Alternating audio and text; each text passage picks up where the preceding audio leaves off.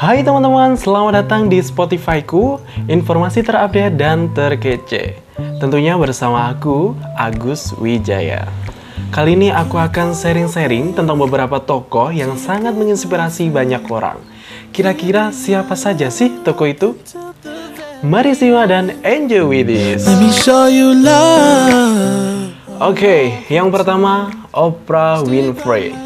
Pasti beberapa dari kalian tahu dong itu siapa? Ya betul sekali, seorang selebritis dan pengusaha di Amerika Serikat. Ia lahir pada tanggal 29 Januari 1954 di Amerika Serikat yang tepatnya di Kosciuszko, Mississippi. Sejak ia dilahirkan sampai umur 6 tahun, Oprah dirawat oleh neneknya di sebuah peternakan. Kemudian, setelah enam tahun nih, Oprah diambil alih oleh ibunya, di mana pada saat itu ibunya sudah mendapatkan pekerjaan sebagai pembantu di Milwaukee. Karena sering ditinggal sama ibunya kerja, Oprah kurang perhatian dan sering kabur dari rumahnya. Pada akhirnya, di umur 9 tahun, Oprah mendapatkan perlakuan yang sangat buruk, yaitu pelecehan seksual oleh sepupunya sendiri yang berusia 19 tahun. Cukup tragis ya. Namun, setelah kejadian tersebut, Oprah bahkan tidak menceritakan ke siapa pun atas kejadian yang sudah terjadi dari Oprah sendiri. Hingga pada akhirnya, Oprah hamil dan bayinya meninggal setelah dilahirkan. Nah, setelah kejadian tersebut, ibunya tahu nih. Kemudian ibunya mengirim Oprah ke ayah kandung dan ibu tirinya di mana ayah kandungnya ini keluarga yang cukup terpandang dan terhormat di masyarakat sekitar. Setelah ayahnya mengetahui perlakuan yang sangat buruk dari kepribadiannya, ayahnya membuat peraturan yang cukup tegas hingga Oprah ini menjadi orang yang lebih baik, kepribadian yang lebih ramah, dan tentunya populer di masyarakat. Nah, kemudian di saat berusia 17 tahun nih, Oprah mendapatkan pekerjaan menjadi penyiar radio. Hingga pada akhirnya, Oprah ditemukan dengan stasiun televisi untuk dipekerjakan sebagai wartawan dan penyiar berita. Atas kegigihannya nih, dalam bekerja, di umur 22 tahun, Oprah membawakan acara televisi dan dipromosikan sebagai pendamping pemandu acara yang bernama People Are Talking. Wow, cukup keren kan? Nah, setelah dipromosikan sebagai pendamping pemandu acara, pada akhirnya Oprah mendapatkan terobosan besar di mana ia diminta menjadi pemandu acara sendiri di acara yang sangat populer yaitu Phil Donahue Show. Impressive. Dan pada akhirnya Oprah menjadi bintang besar di 120 kota di Amerika sampai saatnya Oprah bisa membawakan sebuah acara televisi nasional di acara The Oprah Winfrey Show. Dan Oprah membawakan acara tersebut hingga sukses sampai tayangannya terpopuler di Amerika. Hingga pada akhirnya Oprah disebut sebagai wanita kulit hitam yang bisa bangkit dari kemiskinan dan menjadi bintang besar dengan bayaran tertinggi di mana acara The Oprah Winfrey Show menjadi tayangan televisi nomor satu di Amerika dan sudah ditonton sampai 48 juta pemirsa setiap minggunya. Yang kemudian disiarkan secara internasional di 126 negara. Eits, tapi seorang Oprah tidak berhenti di situ saja. Oprah memperkenalkan majalah hasil karyanya sendiri yang berjudul The Oprah Magazine. Dan pada saat itu, Oprah sukses dalam sejarah penerbitan dengan sirkulasi 2,3 juta pembaca setiap bulannya. Wow, kira-kira cerita majalahnya seperti apa sih? Kok sampai tembus 2,3 juta per bulannya? Nah, kemudian di April 2002, Oprah meluncurkan edisi pertama internasional yaitu The Oprah Magazine di Afrika Selatan.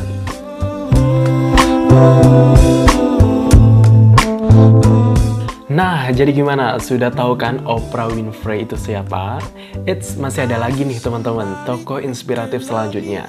Tapi bentar, biar kalian gak bosan mendengarkan Spotify-ku, aku ganti dulu lah ya backsoundnya. Dan ini backsoundnya cukup booming, terutama di aplikasi TikTok. Pasti penasaran kan? Let's go to play. Nah, jadi gimana? Anak TikTok pasti tahu lah ya ini lagu apa. Oke, toko inspiratif selanjutnya ada Martin Henry Bashir. Ada yang pernah dengar? Ya, betul sekali. Dikenal dengan sebutan nama Bashir. Lahir tanggal 19 Januari 1963 di Wandsworth, London. Basir merupakan seorang jurnalis dan pembawa berita Inggris. Dan asal kalian tahu teman-teman, Basir dilahirkan dari orang tua muslim liberal Pakistan. Namun, sesuai pengetahuan aku nih teman-teman, di masa beranjak dewasa, Basir pindah ke agama Kristen. Sangat disayangkan ya teman-teman, tapi ini sudah pilihan Basir. Mungkin ini yang terbaik buat Basir gitu ya teman-teman. Oke, untuk awal mula karirnya Basir, mendapatkan kerja sebagai jurnalis olahraga yang bergabung dengan BPC mulai tahun 1986 sampai 1999.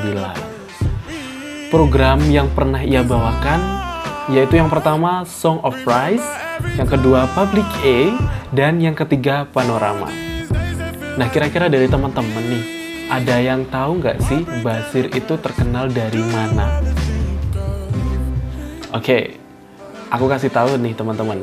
Basir menjadi terkenal setelah dilakukan wawancara oleh Diana Princess of Wales. Pada saat itu, isi wawancaranya itu tentang gagalnya menikah dengan Princess of Wales. Sangat disayangkan gak sih teman-teman? Dan tayangan ini ditonton hampir 20 juta di Inggris. Wow, cukup banyak teman-teman penontonnya. Dan ini tidak disangka-sangka bisa sampai hampir 23 juta pemirsa atau penonton. Nah, program acara saat diwawancari oleh Diana yang tergabung dengan ATV ini untuk mengerjakan program dan future dokumenter Fly on the Wall yang berkolaborasi dengan penyanyi pop populer.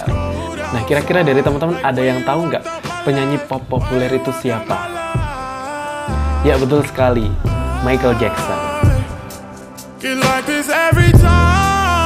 Nah, jadi itu teman-teman, tokoh inspiratif kedua storynya cukup bikin takjub gimana perjalanan dia hingga sampai terkenal untuk menjadi seorang jurnalis dan pembawa berita ataupun pembawa acara. Oke, teman-teman, kita lanjut. Masih ada beberapa tokoh lagi yang bakalan aku sharing ke kalian semua di Spotify aku kali ini. Selanjutnya ini ada Jimmy Fallon. Siapa sih Jimmy Fallon ini? Perlu diketahui bahwasanya Jimmy Fallon ini lahir di New York, tepatnya di Brooklyn pada tanggal 19 September 1974. Nah, Jimmy Fallon ini merupakan seorang komedian, aktor pembawa acara televisi, penyanyi, penulis, dan produser Amerika. Bukan lagi kemampuannya. Nah, dia terkenal karena karyanya yang booming di televisi. Perlu kalian ketahui teman-teman, Valen ini keturunan dari berbagai negara loh. Pertama ada Irlandia, yang kedua Jerman, dan yang ketiga Norwegia. Awal mula Valen terjun ke komedian karena di masa remajanya dia sering mendengarkan program radio dari The Dr. Domento Show dan sering kali Valen ini merekam hasil program radio tersebut dengan alat yang dia punya dengan nama Rail to Rail. Karena sangat suka dan tertarik di komedian nih, Valen mengembangkan bakat tersebut dengan mengikuti kontes dan pertunjukan. Dan perlu kalian ketahui teman-teman, ternyata Valen juga pernah meninggalkan pendidikannya di perguruan tinggi demi karir komediannya saat itu. Sangat disayangkan gak sih teman-teman? Nah, setelah itu di tahun 1995, ternyata tanpa diketahui, Valen menerima gelar Bachelor of Arts di bidang komunikasi untuk memberikan pembelajaran bidang televisi.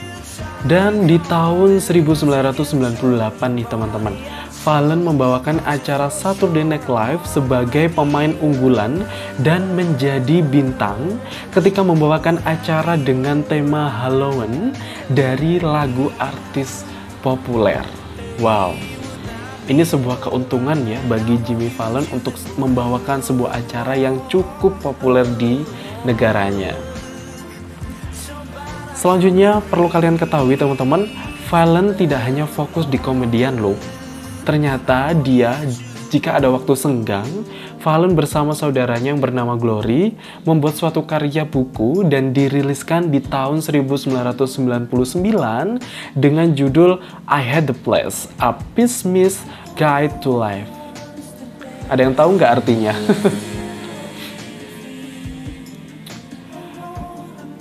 Ada yang tahu nggak artinya? Oke, tidak berhenti di situ saja. Fallen di tahun 2004 menggeluti karir baru di dunia perfilman. Dia menjadi peran utama di salah satu film yang bernama Taksi. Ada yang tahu nggak film Taksi? Atau sudah ada yang pernah nonton? Ya, betul sekali. Filmnya sangat menarik dan cukup bisa membuat kita untuk tertarik kembali untuk menontonnya. Gimana menurut kalian teman-teman? Betul nggak? Nah, di mana film ini yang menjadi peran utama itu hasil remix dari film Perancis. Lima tahun kemudian, tepat di tahun 2009, Valen kembali ke karirnya awal yaitu di pertelevisian. Di mana saat itu membawakan acara yang bernama Late Night with Jimmy Fallon. Acara ini terbilang cukup berbeda dengan acara program lainnya karena di sini Fallon cukup menonjolkan keunggulan yang dia punya sebagai pembawa acara saat itu. Ya, Fallon memberikan sentuhan musik, tarian, peniruan, dan permainan dalam acara tersebut. Sehingga acara yang dia bawa lebih menarik dan disukai banyak orang. Wah, cukup inspiratif bukan? Baik teman-teman semuanya, jangan pergi dulu karena Spotify-ku kali ini masih ada beberapa toko lagi yang cukup menarik dan cukup inspiratif bagi kita semua. Oke, selanjutnya ada Barbara Walters. Lahir tanggal 25 September 1929, tepatnya di Brooklyn, Amerika Serikat. Dia sering kali dipanggil dengan nama Walters. Kira-kira dari kalian ada yang pernah dengar gak dengan nama Walters? Ya betul sekali, dia merupakan seorang wartawati sekaligus selebriti televisi Amerika. Walters dilahirkan dari keluarga yang tidak memiliki agama. Kok bisa ya? Ya, ibunya seorang keturunan Yahudi dan ayahnya seorang ateis. Walters memiliki dua kakak kandung, namun, kedua kakaknya meninggal karena sakit. Walters dikenal banyak orang setelah tampil di acara bernama Today, gelar wicara The View, majalah berita petang, dan program berita petang ABC. Wah, cukup banyak ya. Dan perlu diketahui teman-teman, awal karir Walters bekerja sebagai hubungan masyarakat atau biasanya disebut dengan humas di Tex McCrary dan sebagai penulis di CBS News. Kemudian, di tahun 1961, Walters diterima di NBC sebagai penulis dan periset acara The Today Show. Keren gak tuh? Namun, tidak lama kemudian, Walters naik jabatan sebagai Today Girls yang membicarakan tentang fashion dan gaya hidup di Today Show. Nah, dalam satu tahun berikutnya nih, Walters mampu menjadi reporter yang menulis dan menyunting sekalian laporan serta wawancaranya. Udah komplit kan? Nah, selama lebih dari 10 tahun nih, Walters membawakan acara Pagi Today bersama Huck Downs dan kemudian Frank McGee. Dan selanjutnya dengan Jim Hartz. Selama lebih dari 25 tahun, ia menjadi salah satu seorang pemandu majalah berita televisi. Bersama Harry Reasoner, ia ditugaskan sebagai jangkar program berita petang ABC Evening News. Dan kemudian penugasan itu membuatnya sebagai wanita pertama yang ditugaskan sebagai salah satu seorang jangkar berita petang di jaringan televisi Amerika Serikat. Wow, amazing.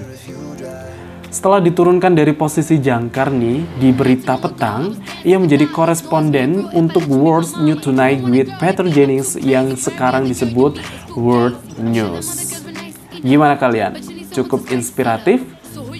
Dengan kehidupan lika-liku yang dijalani oleh Barbara Walters ini. Oke teman-teman semuanya, kita lanjut setelah toko Barbara Walters. Selanjutnya kita bakalan ngobrol toko inspiratif dari Larry King. Ada yang pernah dengar nggak nama Larry King? Atau biasanya dipanggil dengan nama King? Ya betul sekali. King lahir pada tanggal 19 November 1933 yang tepatnya di Brooklyn, negara New York. King merupakan pembawa acara televisi dan radio di Amerika. King sudah mempunyai banyak penghargaan, di antaranya dua PBS, satu Emmy, dan 10 Cable ICE Awards. Wow, banyak juga ya penghargaannya. Dia menjadi pembawa acara lebih dari 50 ribu wawancara. Gila. Sebanyak itukah yang diwawancarai oleh King? Oke, sedikit cerita mengenai keluarganya. Bahwasanya King terlahir dari orang tua yang keturunan dari Yahudi Ortodoks yang kemudian berimigrasi ke Amerika Serikat. Ayah King kemudian meninggal karena mempunyai sakit yang cukup parah yaitu serangan jantung. Perlu kalian ketahui teman-teman bahwasanya King sejak kecil itu berkeinginan menjadi orang yang bekerja di penyiar radio dan keinginannya kerja di penyiar radio terwujud dan ditempatkan di siaran radio inilah King pertama kali mendapatkan kerja. Pada saat itu, King ditugaskan untuk membersihkan dan melakukan tugas-tugas lainnya yang ada di studio radio tersebut. Nah, sampai pada akhirnya penyiar radio di tempat King bekerja ternyata resign dan ini menjadi kesempatan untuk King bisa mengambil alih pekerjaan tersebut. Ini sebuah kesempatan yang jangan sampai disia-siakan untuk kita semua teman-teman. Nah, kemudian mulailah King siaran pertama sebagai disc jockey dari jam 9 pagi sampai siang. Selain itu, King juga ternyata siaran untuk berita sore dan siaran tentang olahraga loh. Oke, beberapa tahun kemudian, King mengembangkan kemampuannya dengan melakukan wawancara pada pertunjukan tengah pagi untuk acara Wood. Ada yang tahu nggak acara Wood itu seperti apa? Nah, King akan mewawancarai siapa pun yang ada di tempat tersebut. Dan pertama yang diwawancarai yaitu pelayan restoran. Tak lama kemudian, dua hari selanjutnya, King mewawancarai penyanyi yang bernama Bobby Darin. Semakin lama waktu, tanpa diketahui, Radio King membuat perhatian lokal yang sangat menarik. Sehingga teman-teman, ternyata King ditarik untuk menjadi pembawa acara yang bernama Miami Undercover. Namun, tidak berhenti di situ saja. Semakin maju, King banyak membawakan sebuah acara baik di televisi maupun di radio nasional. Wow, perjalanan cukup panjang, tapi cukup menghasilkan sebuah karya yang cukup bisa dilihat dengan nyata. Bukan begitu teman-teman? Baik teman-teman semuanya, jangan ke mana-mana karena masih ada satu lagi tokoh inspiratif yang cukup memotivasi kita untuk bisa menjadi orang yang lebih baik lagi. Oke, yang terakhir tokoh inspiratif kita yaitu David Letterman yang mempunyai nama panjang David Michelle Letterman yang lahir di Indianapolis pada tanggal 12 April 1974. Kira-kira dari kalian ada yang tahu nggak daerah Indianapolis itu di mana? Oke, okay, kita lanjut. Letterman merupakan seorang pembawa acara televisi.